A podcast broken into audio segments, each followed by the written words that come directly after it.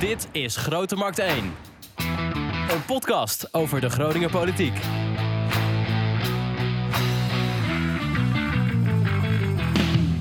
Welkom bij eh, Grote Markt 1, een nieuwe aflevering. Mijn naam is Wouter Holsappel en tegenover mij mijn collega Echo van Oosterhout. Dag Wouter. Hoe gaat het met je? Het gaat goed met mij. Dat vraag ik altijd. Hè? Ja, en de, de zomer komt eraan. Hè? En nu toch echt, laten ze mij eh, vertellen. Ja? Ja, dus eh, het is vandaag nog een beetje fris, maar morgen gaat de temperatuur omhoog. We gaan het vandaag hebben over een eh, probleem dat al eh, behoorlijk lang speelt. De opvang van asielzoekers. Er is te weinig opvangcapaciteit voor de hoeveelheid mensen die eh, asiel willen. Er is te weinig personeel om asielverzoeken te behandelen. En er is te weinig aanbod van, van huisvesting voor statushouders. Een hele zin vol. Gaan we allemaal uitleggen. Dat bespreken we namelijk met John van Tilburg van Stichting Inlia. Dag John. Dag. Ehm, gaan we tutoyeren of foevoyeren? Ja, John heet ik gewoon hoor. Gewoon John? Iedereen, ja zeker. En het is gewoon je en... eh, Ja, absoluut. Kijk. Eh, allereerst even heel eh, simpel. Wat is Inlia precies? Nou, een organisatie die 35 jaar geleden is opgericht door de Raden van Kerken van Groningen, initiatiefnemer. En die van Berlijn en die van Genève en die van Antwerpen en die van Rome. En die hebben met elkaar eh, samengezeten over de vraag: ja, hoe moeten die kerken nou omgaan met vluchtelingen, asielzoekers, illegale migratievraagstukken? En hoe verhoudt de kerk zich met de overheid in dit verhaal? Nou, en daar hebben ze een organisatie voor opgericht om ze daarin te ondersteunen. Eh die International Network of Local Initiatives for Asylum Seekers. Daar komt die hele gekke naam Inlia Ah, ik vandaan. vind het wel een mooie naam eigenlijk. Ja, vind je dat? Oh, dan ben je een van de weinigen. Het is wel heel, maar, eh, klinkt heel herkenbaar, toch? En ja, sinds 2000 werkt de organisatie ook heel veel voor gemeenten, gemeentebesturen. eh, om ze te ondersteunen in alles wat samenhangt met het kader van opvang en, en terugkeerbeleid. Ehm, zijn we ook vaak als adviseur betrokken, maar ook als uitvoerder bij gemeentes bij allerlei projecten, zoals de landelijke vreemdelingenvoorziening, tussenvoorzieningen, eh, pilotprojecten om te kijken of dingen anders kunnen werken. Dus we zijn wel een ontwikkelaar. Ja, het komt Maar, eigenlijk zeg en maar, en hoe, hoe, hoe kom jij er nou toe om juist daarvoor te kiezen en daar jouw eh, werk van te maken? Een heel lang verhaal, ik zal proberen kort te houden. maar te beginnen bij het volgende. Ik, eh, ik- dat is iets wat mijn hele leven met mij heeft mee- meegelopen. Ik was acht jaar en ik verhuisde van Nederland naar Antwerpen. En dat was in de jaren zestig. Dat was op het moment dat Martin Luther King rondliep in de Verenigde Staten. En ik rondliep in Antwerpen als achtjarig kind aan de hand van mijn vader naar school door de grote stad van een dorp afkomstig.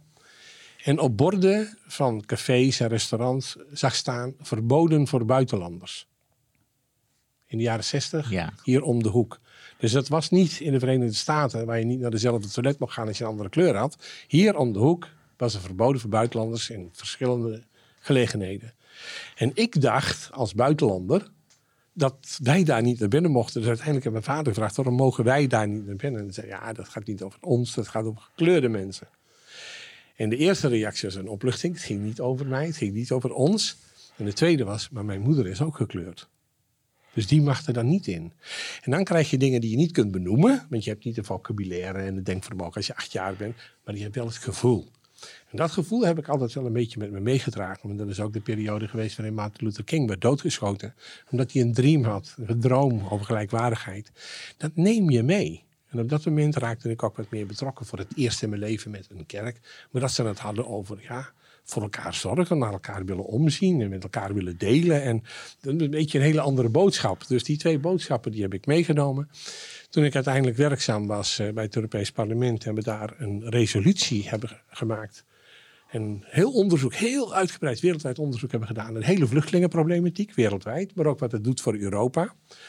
Toen is daar een resolutie gekomen die vreemd genoeg door alle Nederlandse parlementariërs werd onderschreven. Dus je moet je bedenken, wat jullie nu horen is uniek, en dat hebben jullie vast nog nooit eerder gehoord of meegemaakt.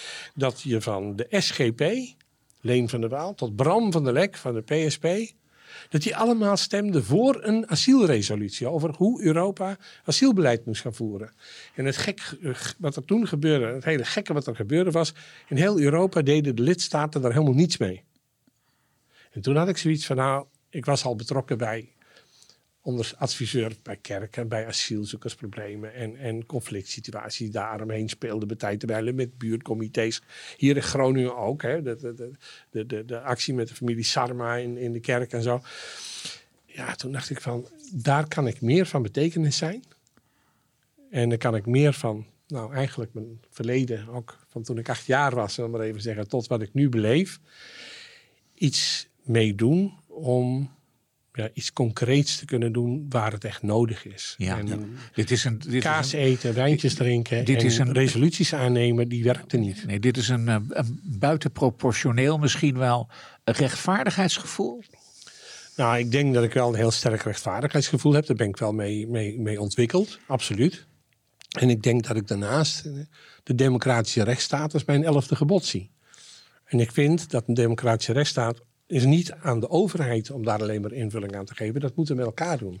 Want het is juist die overheid die ook bewaakt moet worden. Ja. Dat ze zich binnen die kaders van die democratische rechtsstaat eh, weet, weet te handhaven. En dat, en dat religieus besef. Religieus, ik ben religieus. En dat werkt natuurlijk ook mee. Ik, eh, ik, ik, zeker als je zegt van eh, ik, ik ben een vreemdeling geweest en je hebt me gehuisvest, dat, dat doet wel een appel op mij. Ehm, maar het is dat niet alleen. Ook die democratische rechtsstaat doet net zo goed een appel op mij. Heel simpelweg vanwege het gegeven dat ik denk dat vanuit de samenleving, of dat het nou niet gouvernementele organisaties zijn, of kerken zijn, of vluchtelingen, het maakt me niet uit wie, Rode Kruis dat een overheid eraan gehouden is om altijd goed te luisteren naar de signalen die samenleving. Een overheid is niet onfeilbaar. In de kerkelijke kring hebben we dat soms ook, dat er gedacht wordt dat er wel eens onfeilbare dingen zijn. Nou, zo is het niet in het leven, heel simpel.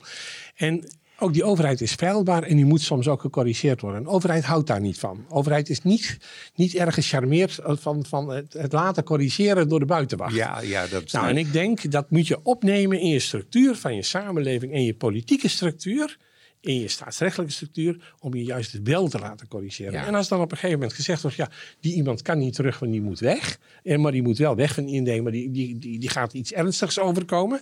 Dat is onderzoek dat wij als organisatie soms ook doen. Ja, dan is het niet zo van de IND is, is, is boven eh, falen verheven. Ja, dat ja. kan niet. Maar even naar nu, want eh, ik zeg, eh, je bent van Stichting Inlia. Wat, wat ben je precies van Stichting Inlia? Wat doe je? Ik ben de directeur van de Stichting Elia. Wij hebben een staf op dit moment van zo'n 70 mensen. Ja. Daar zitten woonbegeleiders, omdat we mensen opvangen hè, voor de gemeente Groningen en voor het Rijk. Eh, maar ook voor onszelf. Eh, we hebben juristen om juridische dossiers te onderzoeken, om te kunnen helpen. We hebben contactpersonen die perspectieven met mensen ontwikkelen om terug te keren naar het eigen land of hier een verblijfsvergunning te krijgen. We hebben ook een medische staf. Ik heb een aantal verpleegkundigen, ik heb een psychiatrisch verpleegkundige, ik heb een doktersassistent daar werken. We hebben eh, maatschappelijk werkers om, om dat soort trajecten te begeleiden. Dus laten we zeggen, we zijn een beetje van alle markten Ja. thuis om de ondersteuning te bieden die nodig En is. dat mag jij allemaal in goede banen leiden. Nou ja, dat doe ik niet hoor. Dat doen andere mensen. Ik mag het een beetje helpen Ja, aansturen. En daar ben ik dankbaar voor dat ik dat mag doen. Ja, Echo, de reden dat we John hebben uitgenodigd, heb je voor je liggen, uitgeprint en al? Ja, dus een tijdje geleden hadden John en ik een gesprek. Dat ging onder andere eh, dat ging toen over het sluiten van de bed, bad en broodopvang. Dat heeft even gedreigd. Eh, dezelfde dag nog eh, heeft eh, de, de staatssecretaris Erik van der Burg zich bedacht en die, die sluiting teruggedraaid. Maar toen hadden we het over dat Inlia samen met andere organisaties bezig was om een plan te maken over de opvang van asielzoekers, asielopvang in, in Nederland. En eh, dat is een groot probleem. Eh, Er dreigen nu weer eh, de, de, de tuinen in Ter Apel eh, weer vol te stromen. En dan krijgen we weer natuurlijk eh, Amnesty International en allerlei dokters, eh, artsen zonder, ar- artsen zonder grenzen die zich daarover gaan buigen en zich over gaan afspreken. Burgemeester Schuiling die dan weer boos wordt op, op, op van alles. Dit plan, kleinschalige asielopvangen in Nederland, het kan. Zo heet Dat het plan. vind ik zo, zo heet het plan. En dat vind ik heel interessant. En dus John Ja, het- moet eh, ons maar eens bijpraten over dat plan. Zeker, je moet, we moeten denk ik een beetje oppassen met elkaar, want er zitten echt, ik, ik zit dat dan te bekijken, dan dit heet dan weer klein, eh, kleinschalige opvang, as, eh, asielopvang Nederland. Die is dan weer van de initiatiefgroep Huisvesting Asielzoekers Nederland. En daar zitten weer ook allemaal partijen in, dus we moeten wel een beetje voor de luisteraar een beetje overzichtelijk houden natuurlijk. Ja. Nou ja, kijk, wat belangrijk was hierbij is dat je een aantal deskundigen bij elkaar haalt. En die even buiten politiek wensdenken om Ja. eh, gaan kijken naar het probleem. Wat, wat voor groep is het eigenlijk? nou, hier zit bijvoorbeeld in eh, de burgemeester van Tinalo. Eh, die heeft allerlei kleinschalige opvang gerealiseerd. We hebben vier jaar mogen experimenteren met hem en zes Drentse gemeente om kleinschalige opvang met veel integratie, participatie, inburgering, democratische rechtsstaat, uh, seksuele voor alles te oefenen met elkaar. Dus die heeft daar ook kennis van zaken over. De wethouder van Utrecht, van een grotere gemeente, Rachel Streefland, uh, die weet precies hoe dat het werkt in, voor een grotere gemeente. Hoe, spreiding in een kleinere gemeente heb je dorpskernen. Spreiding in grotere gemeente heb je stadskernen. En uh, heb je andere vraagstukken. Maar dus het is belangrijk dat je van beide de juiste kennis, ervaring en input hebt. Ze hebben beide heel veel ervaring op dit dossier. Maar ook Carolus Grutters van ja, de Universiteit van uh, Radboud Universiteit in Nijmegen. Het is ja, echt zijn ding, zijn specialisme. Die heeft ook een wetsvoorstel geconcipieerd voor de huisvestingswetgeving om dit makkelijker te kunnen maken. Uh, de Raad van Kerken Nederland, die hebben hier ook bij betrokken. Uh, omdat die ook al jaren met het vraagstuk van de opvang bezig zijn. En wij, maar ook gesteund door de Raad van Kerken, heel veel mensen hebben opgevangen van, die vanuit Ter Apel voor de poort lagen. we hebben ja. meer dan 50.000 overnachtingen daarvoor gerealiseerd. 50.000 overnachtingen. Dat is een enorm aantal. Ja. Ja, het zijn niet mensen, hè, overnachtingen. Ja. Maar dan nog, je kunt niet, namelijk niet de mens stellen. Nee. Want de een zit er drie dagen en de ander zit er dertig ja. dagen, om wat te noemen. Als we nu zeg maar uh, gewoon in zo'n uh, willekeurige maandagavond het uh, NOS-journaal aanzetten... en het gaat over dit onderwerp, bijvoorbeeld vluchtelingen die buiten moeten slapen... of een of andere gemeente waar dan een opvanglocatie moet komen...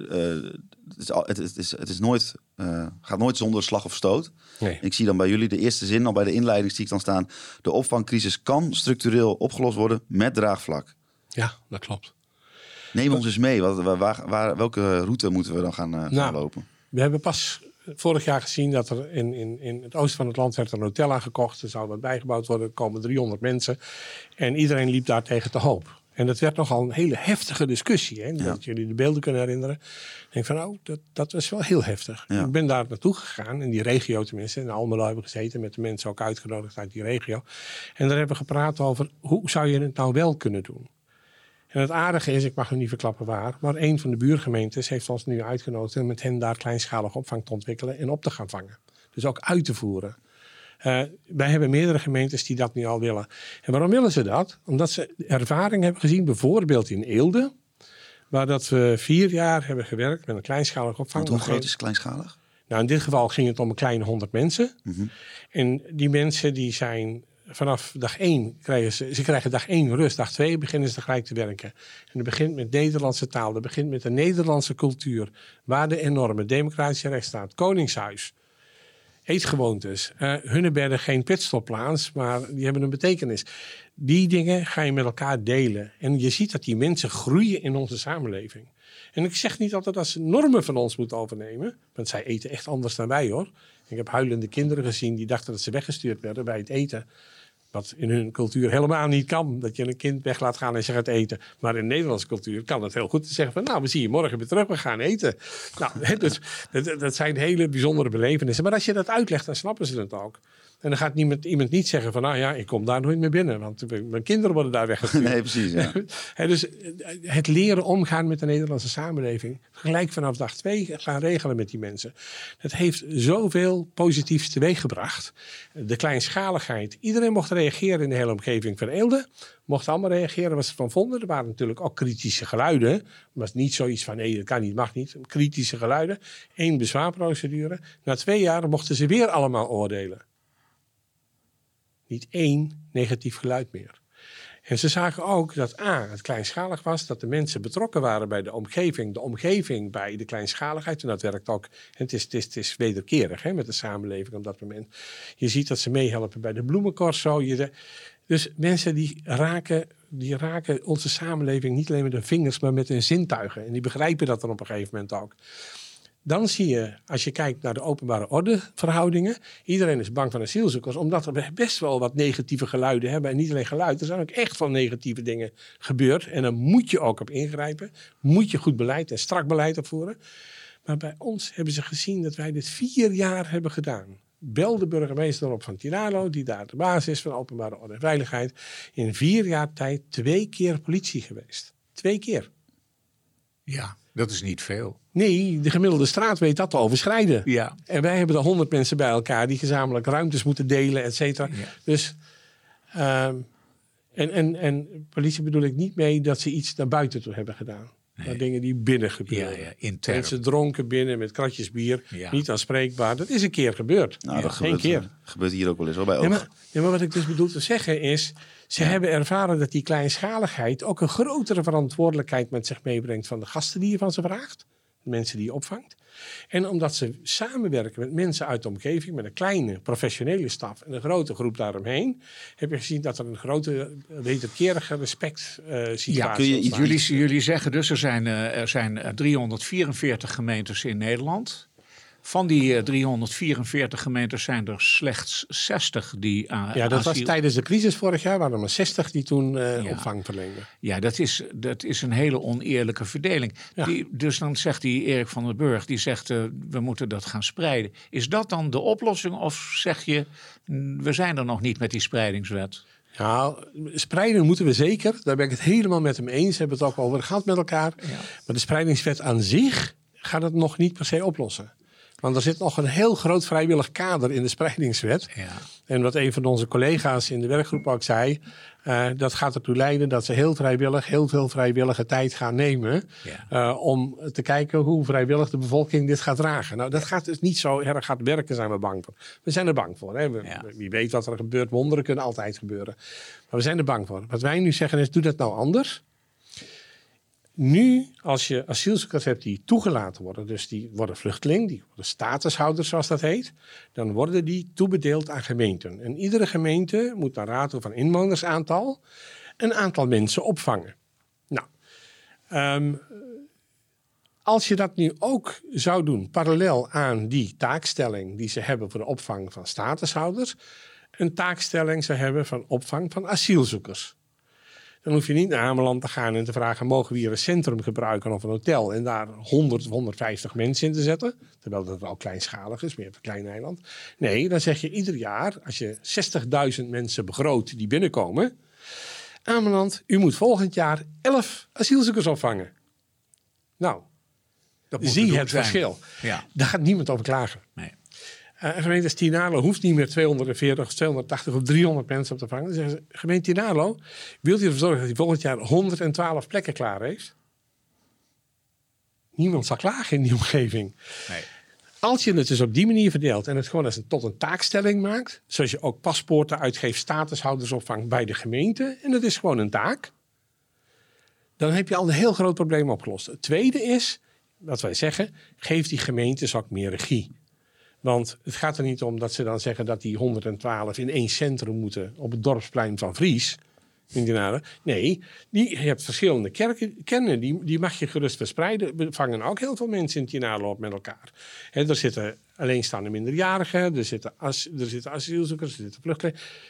Wij vangen ook uit de Rapel 40 mensen op op het dorpsplein in Vries. 40 in het hotel, het Wapen van Vries.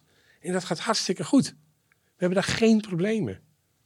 Dus even ter beschrijving, wij praten over de ervaringen die we hebben van wat we hebben uitgevoerd. Ja. En wat, wat, wat, wat is dan zeg maar, de vergelijking met de situatie waarin het niet goed gaat? Want ik hoor nu voorbeelden van u dat, eh, waar, waar, hoe, je, hoe het goed kan. Maar eh, hoe gaat het dan op dit moment niet nou, goed? ik zou zeggen, Wat is de huidige sla situatie? de krant open, kijk journaal, luister naar de radio. Op het moment dat ergens een centrum moet komen, Ja. een kabaal dat dat geeft. Ja. En soms druk je dat dan door. En heel vaak, zelfs wanneer het doorgedrukt wordt, dan is er eerst veel weerstand en later is er veel steun. Maar het hele gedoe daaromheen wil je eigenlijk niet hebben. En er gaan ook twee verschillende signalen. Je hebt een signaal die vanuit het kabinet uitgaat van we worden overlopen, we worden overstroomd, we kunnen het niet aan. En de lading die gecommuniceerd wordt is behoorlijk negatief. En aan de andere kant roepen ze vanuit het kabinet en die burgemeesters en wethouders, kom op. En nu even ballen laten zien. Zorg ervoor dat het asielzoekerscentrum bij jullie daar komt. Ja. Dat, jullie zeggen ook nog iets anders hè, over de, de, de, het, eh, de kosten die daaraan verbonden zijn. Die grootschalige opvang is helemaal niet goedkoop. Dat werd altijd wel verondersteld. Ja, Maar ehm, even ter vergelijking. eh, wij hebben in, in, in Eelde, waar dat we vier jaar hebben gezeten, maar ook op andere plaatsen. eh, door de kleinschaligheid heb je daar al die beveiligingen zo allemaal niet meer nodig. Ik heb net al verteld, in vier jaar tijd twee keer politie. Dus hoe vaak zouden we iets hebben gehad om beveiliging? Nou, nul keer iets. Sterker nog, er zijn burgemeesters die zeggen wij willen geen beveiliging meer. Want iedere keer als ik met jou zeg maar een, een dispuut heb, een verschil van mening heb, en ik trek, betrek jou erbij, zet jou er iedere keer tussen, dan wordt mijn communicatie met, lijn, met, lijn met jou wordt steeds ge- gevoeliger, steeds moeilijker. Want jij hebt eigenlijk weinig met mij te communiceren, want ik zet hem de hele tijd tussen jou en mij in. Ja. Nou, als je daarvan uitgaat, dan moet je je afvragen, werkt dat dan? Ik denk bij grootschalige opvang heb je meer toezicht en beheersbaarheid nodig. Ja. Bij kleinschalige opvang heb je meer beheer nodig en geen beheersbaarheid. Ja. En dat hebben we in de praktijk gemerkt. Wij hebben nu in de afgelopen eh, periode, vanaf augustus, toen dat de burgemeester Koen Zuiling ons vroeg om mee te helpen met de opvang, hebben wij op 64 plaatsen in het land, 65 plaatsen in het land opvang geboden. En op één plek in het land is er één incident geweest. Het is toch opmerkelijk dat wij 50.000 overnachtingen realiseren. Met, met, vannacht sliepen er weer 150 mensen bij ons. Ja. En dat het bij ons niet leidt tot allerlei problemen, conflict situaties, ellende, et cetera. Ja, als, als ik dus zelf kijk bij Zoutkamp, hè, dan komen daar enorme rits vrachtwagens aan en die bouwen dan muren van containers. Ja. En binnen die muren van containers wordt dan een soort tentenkamp opgezet. Ik werd er helemaal verdrietig van toen ik het zag. Ja, ik ook. Ik ben er geweest tijdens de opbouw en toen dat het er al stond. Aan de andere kant, ik was wel heel blij met de manager die ze daar hebben neergezet. Want dat is iemand die oog heeft voor oplossingen. Ja. Ja, dus die, die het probleem wel ziet, maar alleen ziet vanuit de gedachte, hoe los ik het op? Daar was ik wel blij mee. Uh, maar ik heb ook andere plekken gezien waar dat het beduidend minder was. En dit ziet er al niet erg vrolijk uit. Hè? Dat Nee. echt absoluut niet. Het is vreselijk eigenlijk om aan te zien dat je daar zo op die manier mensen opvangt. Maar ze hebben in ieder geval een tentdoek boven hun hoofd. Ja. En er staan scheidingswandjes. Terwijl als je boven een stapelbed zit, dan kijk je zo over de andere scheidingswandjes heen. En dan zit je met de buurvrouw naar binnen te kijken. Ja. Ja, dat vind ik eigenlijk ook helemaal niks. Nee. Ehm, maar goed, de privacy is er niet, de lichten die aanblijven, het kabaal dat je hoort. Je, je- dit geeft geen rust, dat geeft heel veel onrust. Eh, kijk naar Zuid Eh dat is de hele tijd van alles te doen. Over van alles wat je maar kunt bedenken. Nou, dat zijn vrij grootschalige opvangen in mijn, mijn, mijn, mijn visie. Ja. En dat zou je. En dan is het noodopvang, hè? even voor de duidelijkheid. Ja. Dus dat snap ik Ja. ook. Maar daar zou je echt zo snel mogelijk aan voorbij moeten gaan. We hebben een, een gig- gigantisch veel gebouwen in beheer van de Rijksgebouwendienst. Uh, ik heb met hen twee, drie jaar geleden al zitten praten en met het ministerie van Binnenlandse Zaken. Stel die gebouwen beschikbaar, kat ze om tot tijdelijke opvang. Ja. Nou, dan wordt er gezegd, maar we kunnen niet de hele tijd op- en afschalen. Hè? Want het COA die kreeg in de coronaperiode weinig mensen binnen. Logisch, want niemand kon reizen in de wereld. Dus je kon ook niet hier komen, want je kon geen vliegtuig op, geen boot op, geen bus in. Dus je kon niet reizen. Dus na de coronaperiode weet je dus dat het gaat komen. Want even voor de duidelijkheid, er zitten miljoenen vluchtelingen in Libanon vast, om maar eens wat te noemen. Ja. In een klein landje met een kleine, kleine niet te grote bevolkingshoeveelheid. en, en, en het percentage vluchtelingen is daar zo ongeveer een kwart van de hele bevolking. Dat zou hier eh 4,5 miljoen mensen opleveren. Ja. Weet je, dus bedenk even waar we het over hebben. Ehm, eh, wa- wa- wat, wat wij hebben gezien is dat je ehm, met die, die grootschaligheid. En nou ben ik even de draad kwijt, want ik was bij een ander verhaal bezig. Sorry. ik bleef even steken in Libanon. Ja. Eh, Ja. Maar in, in, in de kern komt het erop neer. Toen dat ze kwamen, hadden we moeten weten dat ze zouden komen en dat we meer capaciteit Ja. nodig hadden. Maar op het moment dat er minder mensen zijn, dan sluiten we die centra. Ja. Daardoor, op het moment dat ze wel weer komen, hebben we te weinig ruimte. Moeten er centra bij. Heel veel gemeenten willen niet het centrum weer heropenen, want die hebben een bevolking beloofd drie jaar en niet langer, of vijf jaar en niet langer. Dus dan krijg je dus een capaciteitsprobleem. En wij hebben gezegd, je moet die capaciteit op een bepaald pijl houden, waarbij eventuele op- en afschaling niet zoveel effect heeft als nu. Hoe kun je dat doen? Nou, wij zeggen, geef die gemeente meer regie. Laten we naar Groningen gaan. Stel voor dat we zeggen van nou, we hebben nog een prachtig gebouw eh, eh, in Groningen wat we nu geschikt kunnen maken voor de opvang. Die houden we. Ook als er minder asielzoekers komen, dat gebouw komt leeg. Dat gebouw zetten wij in voor tijdelijke huisvesting. Een soort Carex-situatie. Ja. Eh, kunstenaars, tijdelijke woningzoekende studenten, die kunnen er een tijd, tijdig, tijdelijk in. En zien we aankomen, net zoals wat we wel hebben gezien na de coronaperiode, dat het, het aantal gaat toenemen en dat we weer capaciteit nodig he- hebben. Dan gaan we die mensen verzoeken, zoals dat nu ook gebeurt in KRX-verhoudingen. doen we nu net zo. Gaan we verzoeken om weer zelfstandig hun eigen woonruimte te gaan zoeken. En weer naar de familie gaan. En, en hun eigen eh, ateliers te betrekken. Want op dit moment is het zo, zo zie ik dat er eh, 344 gemeenten zijn in Nederland. En daarvan eh, vangen er 60 asielzoekers op. Dus Ja, dat was vorig jaar tijdens de crisis. Hè? Ja. Bij de, in zo'n crisissituatie zie je dat er dan zo ruim 60 opvangen en, en, en bijna 300 niks doen. ja, Als je nu kijkt wat bijvoorbeeld Groningen en Drenthe opvangen, en Utrecht ook hoor, moet ik toegeven, en je vergelijkt dat met Zuid-Holland, dan vangt Zuid-Holland niks op. Dat kan gewoon niet. Er zijn een hele hoop gemeenten die niks opvangen. En we hadden pas geleden een plek, er moesten een, een, zo'n elitegemeenschap, zal ik maar even zeggen. Er moesten twintig asielzoekers naartoe. Hemel en aarde werd bewogen en gedaan en eh, k- kort gedingen. En je wil niet weten wat daar allemaal gebeurde in die gemeenschap, omdat er twintig asielzoekers naartoe moesten. En ik van, ja, dat, dat kan niet echt waar zijn. Zover mogen we het niet laten komen. Maar we doen het wel. En daar moet een einde aan komen. Dus we moeten gewoon zorgen dat we een spreidingssysteem hebben... wat gelijkwaardig is over al die gemeentes. En dat je dus zegt van, eh, moet je luisteren... je hoeft er niet zoveel, je hoeft er maar een paar.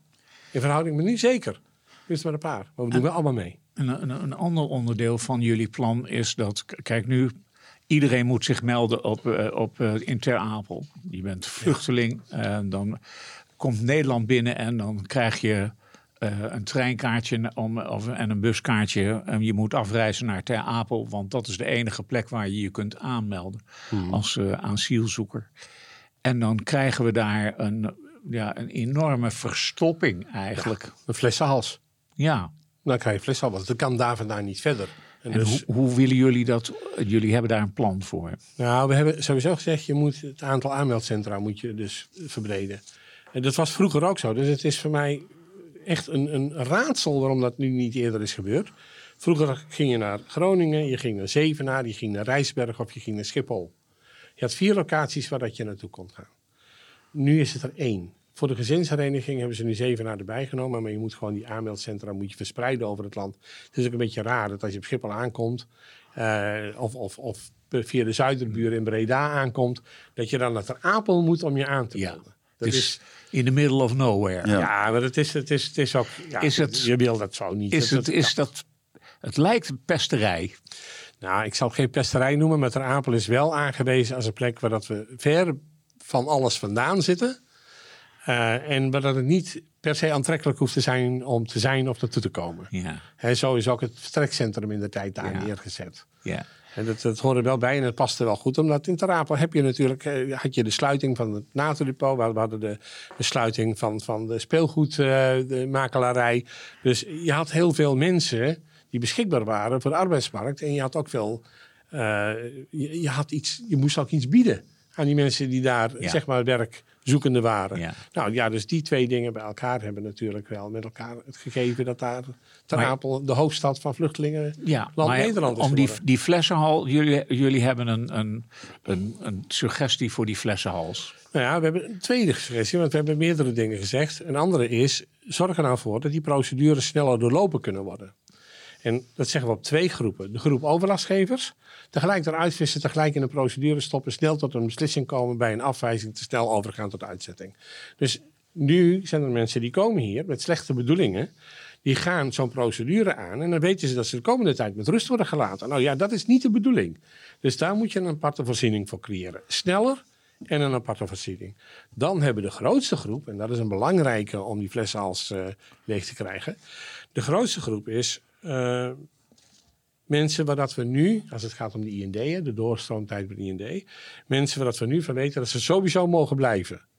Tenzij dat ze oorlogsmisdadigers zijn of een gevaar zijn voor de openbare orde en veiligheid. Maar ja, dan werk je, ik noem het maar even, de lijst van 100 af. Hè. Je pakt 100 vragen en, en, en die ga je allemaal afwerken en zoeken naar dingen waarvan je eigenlijk weet dat die er eigenlijk niet toe doen. Wat wij zeggen is, draai het nou om, draai die bladzijde om en begin met die laatste vijf vragen. Willen we die persoon hier wel hebben? Is hij gevaar voor de openbare orde? Is het een terrorist? Heeft hij iets op zijn geweten? Onderzoek die vragen en als die vragen allemaal gunstig voor de betrokkenen uitvallen, stuur die door. En ga die andere 95 vragen, leg die op de plank, want je hebt er toch niks aan, want ze behoren tot de groep die toch al mag blijven. Dus op die manier kun je dus een hele hoop tijd besparen. Dat erkennen ook de beslissers bij de IND zelf. Uh, je kunt een hele hoop tijd besparen, maar de politiek moet het nog goedkeuren. En daar ligt wel een groot probleem. Dus wij zeggen, politiek, open je ogen. Je wil het probleem oplossen. Er zijn oplossingen voorhanden. Zelfs de uitvoeringsdiensten zouden daar dankbaar voor zijn als je dat zou doen. Ja, want het, het is natuurlijk een politieke podcast. Dus we gaan het probleem nu even politiek maken. Ja, het, het, dit is een politiek vraagstuk natuurlijk. Ja. Alleen wat er niet gedaan moet worden, is dat ze politiek wenselijk beleid gaan maken. Je moet daarvan af. Je moet een probleem zien als een probleem wat opgelost moet worden. Als je brandweerman bent, dan ga je een brand blussen. Dat is een brand. Je moet een brand gaan blussen. Je gaat niet eerst stemmen over hoe de brand geblust moet nee, worden. Nee, nee, dat gaan we dus niet doen. We gaan niet kijken welke wagen moet, worden uit, moet uitrijden. En, en wie dat we daarin selecteren. Welke vrijwilligers de hand opsteken. Nee, dat gaan we niet doen. Nu moet je brand blussen. Dat betekent dat brand, brandweerauto's op afsturen. Blussen die hand. Ja, trek hem eens door naar dit uh, onderwerp.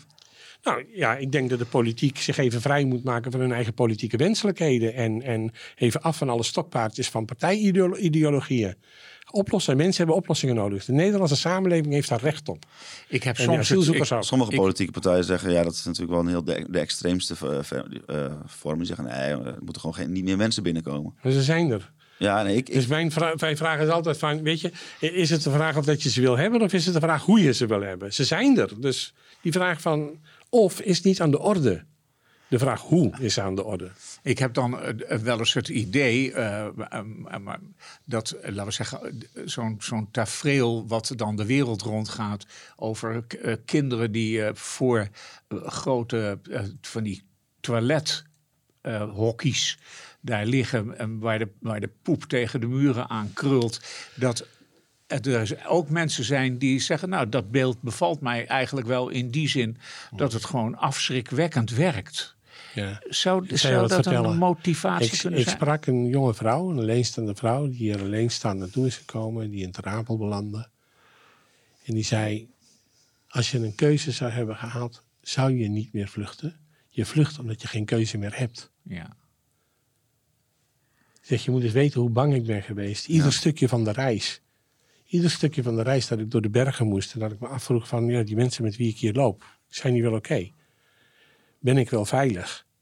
Die keuze maak je niet als je niet veilig. Als je, als je denkt dat het, dat, het, dat, dat het niet nodig is voor je. En wat voor reden dan ook, hè? Ja. Maar dan komen ook mensen met andere redenen. Maar wat voor reden, die maak je niet zomaar die keuze. En dan ga ik jullie één verhaal vertellen over die kinderen. Wij worden gebeld met de vraag, kunnen jullie morgen tientallen kinderen opvangen? Want we hebben geen plek. Ik neem contact op met het COA en die zeggen van nou, dat zal pas ergens in de loop van de volgende week zijn. Maar er was een kinderorganisatie die ons dat vroeg. Zaterdag krijgen we te horen van nou, morgen hebben we plekken nodig. Ik zag niet zomaar ergens een plek. En toen heb ik even een leegstaande kerk, eigenaar van een leegstaande kerk in Amsterdam gebeld. Die dat gingen verbouwen tot, tot een appartementencomplex. Dus stond nog leeg. Heeft dus ook geen gemeenschap. Er is niemand omheen. En ik heb gevraagd, kunnen we die kerk voor jullie huren tot eh, over tien dagen? Want dan is de opvang klaar van kinderen. En die kinderen moeten ergens onder dak. En ik ben 's dit gebeurde zaterdag, hè, ochtends, zondagochtend, kwart over zeven ben ik mijn collega daar naartoe gereden. We hebben gekeken en we hebben gezegd, we huren het. We hebben de banken eruit laten slopen door een aantal Oekraïners die we snel hebben aangenomen. We hebben alles geveegd. We hebben overal brandmiddels aan het plafond geplakt. We hebben een bedrijf waar wij mee samenwerken met die opvang. Hebben uit Breda hebben we 40 bedden laten komen. En toen dat die kinderen kwamen in de middag, dat waren die kinderen die toen het beschimmelde brood hadden gekregen, wat ook zo in het nieuws is geweest. Niemand doet dat bewust, hè? even voor de duidelijkheid. Dat is een ongelukje, maar het gaat even om de context, om, over welke kinderen hebben het. Die kinderen die kwamen bij ons binnen en dat waren ook die kinderen, naast het beschimmelde brood, die al vijf dagen op een stoeltje hadden gezeten bij de IND. Dus waarvoor geen bed was, waarvoor geen douche was. Daar reis je naartoe.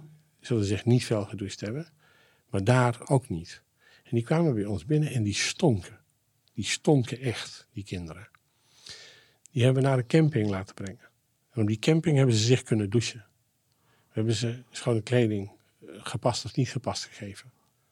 We hebben de Raad van Kerk Amsterdam gevraagd: kom hier helpen. Het Rode Kruis, kom hier helpen. COA, NIDOS. We hebben gezegd: kom hier helpen.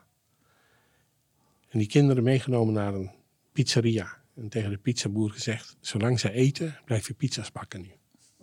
Want dat waren die besch- beschimmelde broodkinderen. Blijf pizza's bakken zolang ze kunnen eten.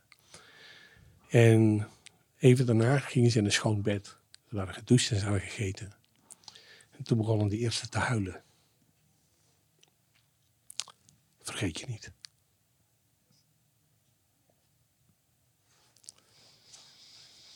Dat is wat je tegenkomt. Ja. Ze begonnen te huilen. Want Omdat ze eindelijk een bed hadden, ja, schoon waren, gegeten hadden. En een van onze vrijwilligers, een Syrische vrouw, die hebben ze tegelijk allemaal tante genoemd. Eh, iets van geborgenheid. In die discussie eh, gaat er, l- lijkt het dus wel eens eh teloor Ik zou te dus willen dat die om mensen politici, zijn. hè? ik zou dus willen dat die politici dit zouden meemaken. Ja. Eén keer. Eén keer. Ja, ja, heftig. ja, Ja, De dag daarna kregen we er weer 40. ja. ja. Het, het stopt, het stopt niet. Nee, maar de- dus eh, eh, er is een bepaald gedeelte van de, van, eh, de politiek die, die, ja, die, die maakt of laat, doet voorkomen alsof het geen mensen zijn. Eigenlijk. Dat is een beetje het probleem. Dat die discussie die wordt wel heel erg hard. Omdat de ene zegt het zijn, het zijn mensen.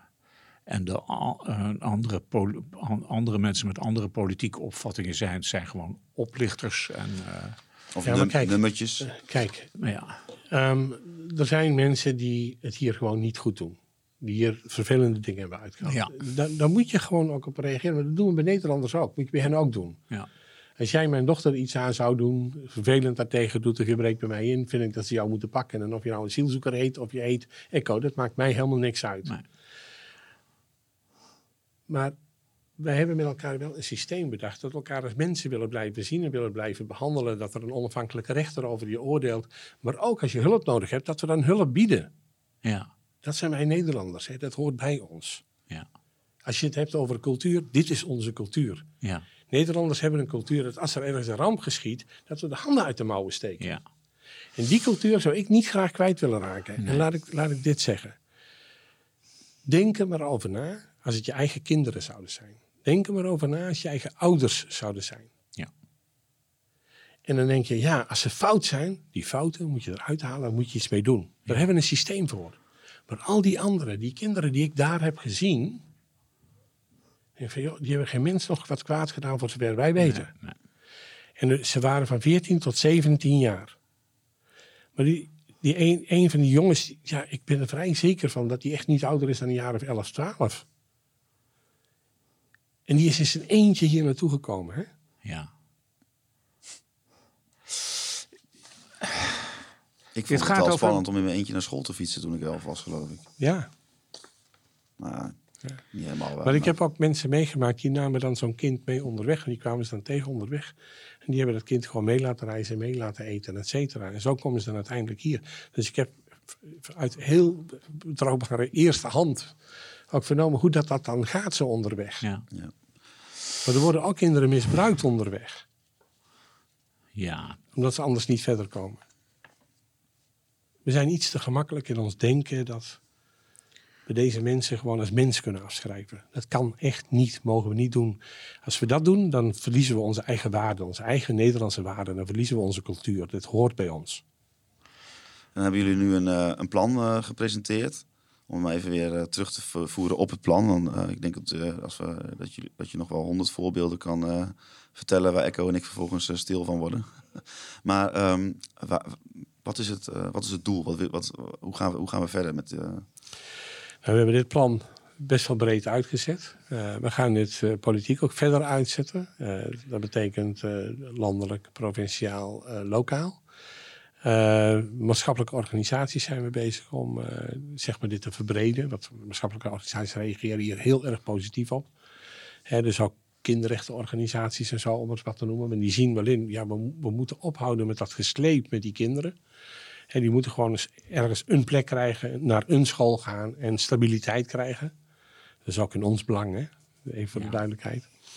Ehm, eh, we hebben met de staatssecretaris dit plan besproken. Eh, ik zie nu in zijn voorstellen een aantal eh, aanpassingen zeg maar, in zijn oorspronkelijke plan, die toch al beduidend beïnvloed zijn door het plan kan. Dus dat is in ieder geval sowieso een sprong voorwaarts, vind ik. Maar ook met de VNG uh, gaan we nu kijken hoe dat we hier invulling aan kunnen geven. Er zijn een aantal gemeentes die nu al zeggen, we gaan het gewoon nu al doen. Dus uh, desnoods gaan we asielzoekers die we dan tijdelijk voor Trapel opvangen, gaan we in zo'n constructie zetten. Er zijn burgemeesters, wethouders, ambtenaren die met ons hierover in contact staan. En heel concreet vragen, nou, kom bij ons zo'n centrum bouwen. Ja. En dat gaan we doen. Nou, klinkt wel eh, als, uh, dat, als, er wat beweging in zit. Absoluut, er zit beweging in, maar nog niet genoeg wat mij betreft. Want jouw Echo, hoe kijk jij er een beetje zeg maar, politiek gezien naar? naar dit, uh... Nou, je, laten we zeggen, politiek gezien is het natuurlijk heel erg, is de verdeeldheid heel erg groot. En uh, ik zelf, als ik naar die staatssecretaris kijk, denk ik, die man die, die wil wel wat. Die, uh, die komt wel in beweging. Ik laat mij vertellen dat uh, hij, laten we zeggen, in zijn eigen partij grote moeite heeft om zich staande te houden. Ik laat me vertellen dat hij knallende ruzie heeft met de ene meneer Rutte over deze affaire. Er wordt, de, de binnenskamers wordt daar behoorlijk geknokt. En ja, ik ben heel benieuwd uh, hoe, hoe deze strijd uh, uh, gaat aflopen. En, je, en je, dus wat Johns natuurlijk zegt, het, we hebben het over mensen. Ja. Laten we het nou maar even zo benaderen. Ik zou zeggen, je moet het als voor de podcastluisteraar, je kan dat plan ook gewoon even downloaden op de website van Ilia. Daar staat het. Ja. En, rustig doorlezen. kun je het even doorlezen. Ik uh, vond het wel uh, een uh, indrukwekkend verhaal eigenlijk. Ja, ik ook. Dankjewel, John. Nou ja, en als je het uitgelegd wil krijgen, die burgemeester en die wethouder enzovoorts, die, en, en Carolus Grutters van de Universiteit van Nijmegen, die leggen het ook nog een keer uit in een verhaal. Het is een leuk verhaal om te bekijken. Okay. Nou, dank voor je komst. Heb je het idee dat je het goed hebt, alles hebt kunnen vertellen? Of is, is het Zoals ik net al zei, ik, ik, heb je nog een nabrander voor ons? ik, ik kan nog wel even door. Ja. nee, nee, nee, de nabrander, ik denk, ik denk wat Echo zei, dat het een mooie afsluiting is. Uh, laten we niet vergeten dat het om mensen gaat. Ja. Dankjewel, uh, John. Echo, uh, ja, dus uh, word je soms stil van, hè? Ja. ja. dit was dan de, deze aflevering van Grote Markt 1. bedankt voor het luisteren en tot de volgende keer.